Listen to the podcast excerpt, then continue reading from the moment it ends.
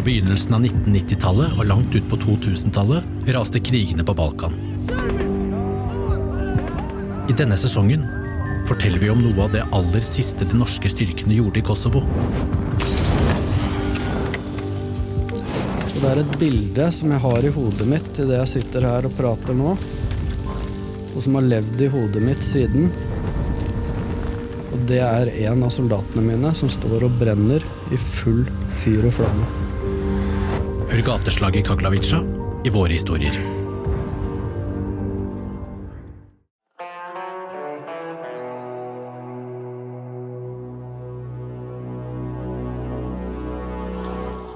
Det ligger i den norske soldatens hverdag og kultur å alltid være forberedt på å løse oppdrag. Være klar til å rykke ut. Og det var nettopp dette, å rykke ut, at soldatene fra artilleribataljonen i Brigade Nord gjorde den første uka i mai. Det pågår en krig i Europa. Fire måneder har gått siden Russland angrep Ukraina. Vesten har gitt støtte til Ukraina, og president Zelenskyj Europa, USA har bidratt med utstyr til soldatene og sivilbefolkningen. Våpen og etterretning. Norge bidrar bl.a. med beskyttelsesutstyr, panservernvåpenet M72, luftvernsystemet Mistral, og for ikke så lenge siden ble det kjent at Norge har donert 22 selvdrevne artillerikanoner av typen M109. Forsvaret fikk i oppdrag å ta ut kanonene fra lagrene våre, sette de i stand og gjøre de klart til strid. Dagens episode av Klar til strid er litt annerledes. Du skal få høre fra soldatene selv da de fulgte kanonene ut av Norge. Kanoner som snart skulle brukes i krigen i Ukraina. Kollegaen min Hege har resten av historien.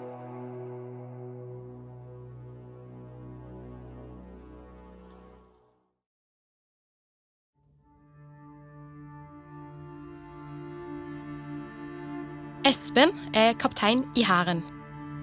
Når vi møter han, er han sjef for treningsteamet som holder til i Tyskland.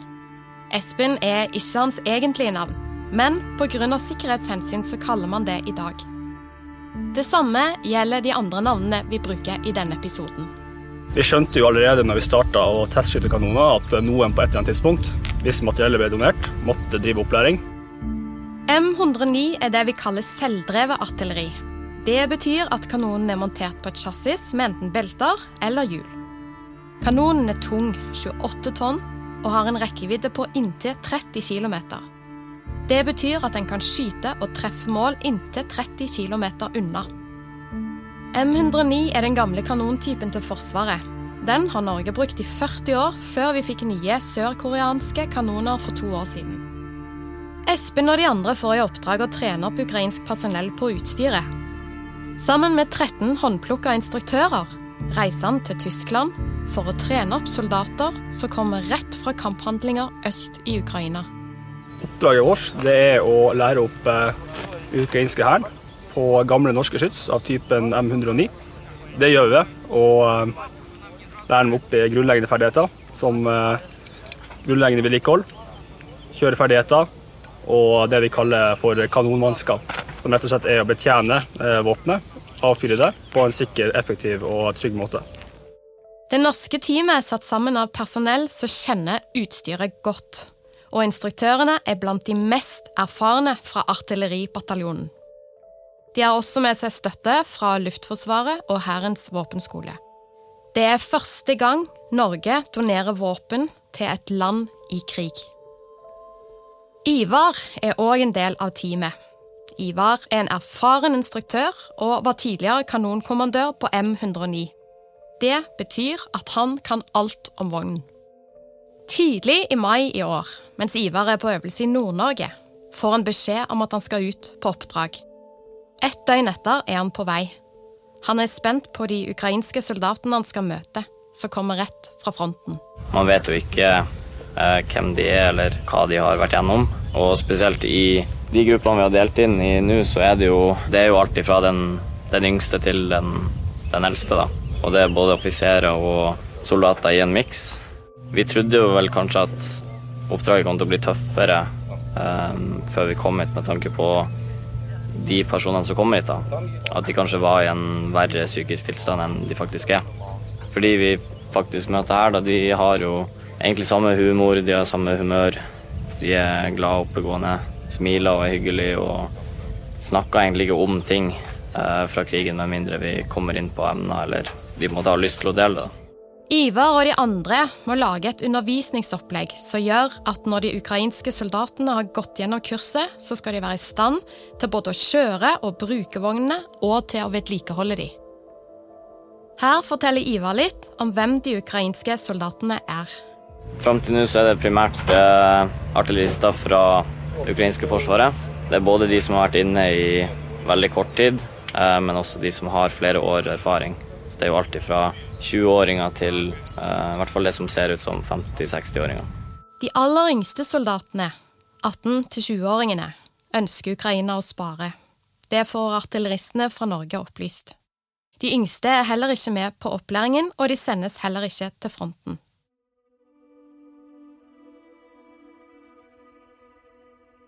I Tyskland er opplæringen i gang. Dagen starter klokken seks med frokost. Så er det samling og koordinering med alle instruktørene før de ukrainske soldatene kommer til øvingsfeltet klokken åtte. Og selv om ukrainerne har ulik alder og bakgrunn, merker nordmennene at de har håndtert lignende utstyr tidligere. Her er Ivar. De fleste av dem har vært borti selvgående skyts før. De har jo en russisk eh, versjon, så den, det er jo på en måte bare en Hva skal jeg kalle det? Ja, de har i hvert fall kjennskap til eh, prinsippene og systemet eh, fra før av. Så vognførerne har jo kjørt vogn før. De er ekstremt flinke på å fikse ting. De er løsningsorientert og fikser problemer når de kommer. De har en viss kjennskap til komponentene sin virkemåte og funksjon. Og så er det egentlig bare plassering og hvordan ting ser ut som er forskjellig. Så en leksjon vi bruker to timer på i Norge, kan ta 15 minutter eh, her nede. Normalt ville opplæringen ukrainerne nå får, tatt en måned med norske vernepliktige. I Tyskland har de norske instruktørene komprimert undervisningsopplegget ned til en snau uke. Av den enkle grunn at de som læres opp, allerede er i krig. Og det ukrainske forsvaret kan ikke unnvære personell ved fronten lenger enn det. Her er Espen igjen. De lærer ekstremt fort. Det første ukeprogrammet vi hadde, da var vi ferdig med dag én før lunsj. Så de er gode artillerister. På mange måter langt bedre enn eh, oss sjøl. Nei, de kan det jo. De kan alt det grunnleggende, egentlig. Det de trenger, er eh, å få kjennskap til det som er spesifikt for eh, den typen materiell som vi donerer, altså M109. Men det er mange likheter mellom gammelt russisk materiell og det vi donerer nå. Utstyret Norge har donert er gammelt, men fullt ut brukbart. Jeg syns det er bra. Det er egentlig en vinn-vinn-situasjon. Eh, vi har gammelt materiell som vi kjøpte inn for lenge siden. Det er fortsatt fullt brukende, selv om det er gammelt. Eh, og ukrainere får eh, sårt tiltrengt materiell som de kan bruke som tung ildstøtte under sine operasjoner. Når man skal pakke inn mye på kort tid, så må man fokusere på det aller nødvendigste. Og Samtidig så vet de norske soldatene at neste gang dette materiellet er i bruk, er det i krig. Her er Ivar igjen. Det er på en måte kvaliteten på det vi lærer bort, uh, som bestemmer hvor godt de gjør det når de kommer tilbake. Og det er jo ganske spesielt. At det, det laget jeg har, da, så er det jo på en måte opp til meg å bestemme hvor bra eller dårlig de gjør det når de tar i bruk vogna. Det er jo kanskje det man tenker på mest når det kommer til utdanning og, og den elevgruppa man har. Så man legger kanskje litt mer innsats i det pga. det. De norske soldatene må bruke tolk i opplæringen. Det gjør en krevende oppgave enda mer komplisert. Tolkene som brukes, er verken profesjonelle eller sertifiserte, men er ukrainere som har blitt definert som gode i engelsk. Det kan være både utfordrende, og så er det morsomt, og så er det vanskelig. Grunnen til det er jo at vi aner jo ikke om det vi sier er det tolken oversett. Og i flere tilfeller så kan jeg si én setning, og så sier tolken ti setninger. Og så kan man bli litt usikker på om de man lærer bort, har skjønt det. Så det er ofte at tolken skjønner ting fortere enn elevmassen. Og da sier ofte tolken at tolken skjønner det. Men man får egentlig ikke noe bekreftelse på om de andre skjønner det. Etter å ha vært i Tyskland i et par uker har Ivar og de andre tatt imot flere avdelinger med ukrainske soldater. Noen av de som kommer, er fremdeles i kampmodus. Du kan merke det på blikket, kroppsspråket og måten de er på. Når det har gått et døgn, har de fleste landa litt og ser på oppholdet i Tyskland som en stridspause. De sier at uh, når de ligger og slapper av på kveldstid eller skal sove om natta, så får de ikke sove når de hører uh, skyting og aktivitet i skytefeltet.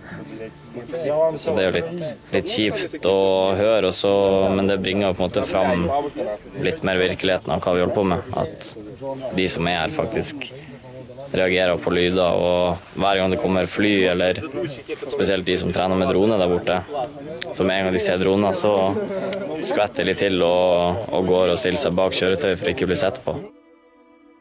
Espen forteller at de ukrainske soldatene stadig vekk får meldinger og telefoner hjemmefra. Vi opplever jo at folk får telefoner hjemmefra der hvor de har mista familiemedlemmer midt under leksjoner eller når vi holder på å trene. Det. det. Det setter jo inntrykk, men samtidig så håndteres det veldig profesjonelt. De er i stand til å fortsette leksjonen, og instruktørene er egentlig forberedt på det. Ivar forteller at en av de ukrainske soldatene fikk en telefon med beskjed om at han hadde mista et familiemedlem. Den telefonen kom når de sto inne i en av vognene og hadde opplæring. Undervisningen fortsatte, mens soldaten veksla mellom å følge med og gråte.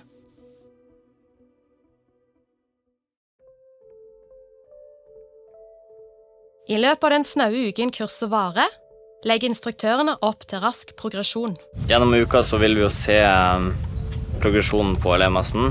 Uh, og vi vil jo eskalere uh, utdanninga underveis uh, og legge på mer og mer ting. Så vil vi jo sette sammen vognfører og tårnpersonell etter hvert og kjøre fullstendige uh, innrykk i, i stillinga. Simulere skytedriller og så uh, trekke ut igjen og, og, kjøre videre. Så vi vil jo på en måte kontinuerlig i uka se progresjon og se om de skjønner ting. Og så avslutter vi uka med skarpskytingsøvelse, og da får vi jo en verifisering på at alle ledd eh, fungerer som de skal. Både fra vognfører til tårnpersonell og de som leder ild og beregner skyttedata. Avslutningen på kurset markeres med seremoni for ukrainerne, alle instruktørene og støttepersonell fra det amerikanske forsvaret.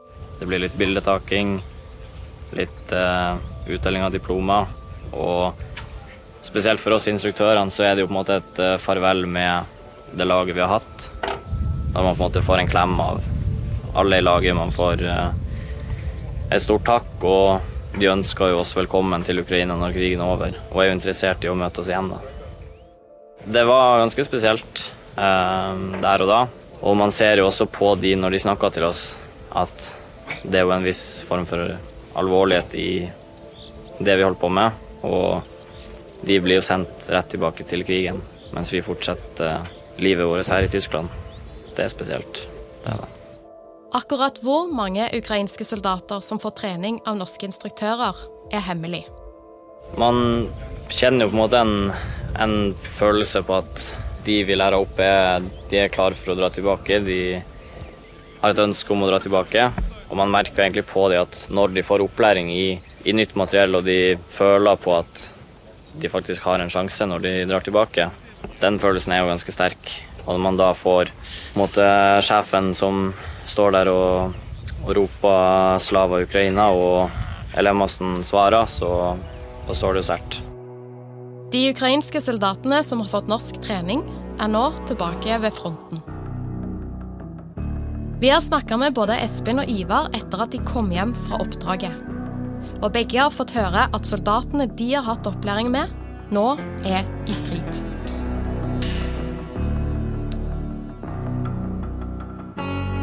Denne podkasten er laget av Thomas Haraldsen, Fredrik Ringnes, Alexander Hage, Hege Svanes, Fredrik Tandberg, Kristine Hellesland og meg, Rune Wenneberg.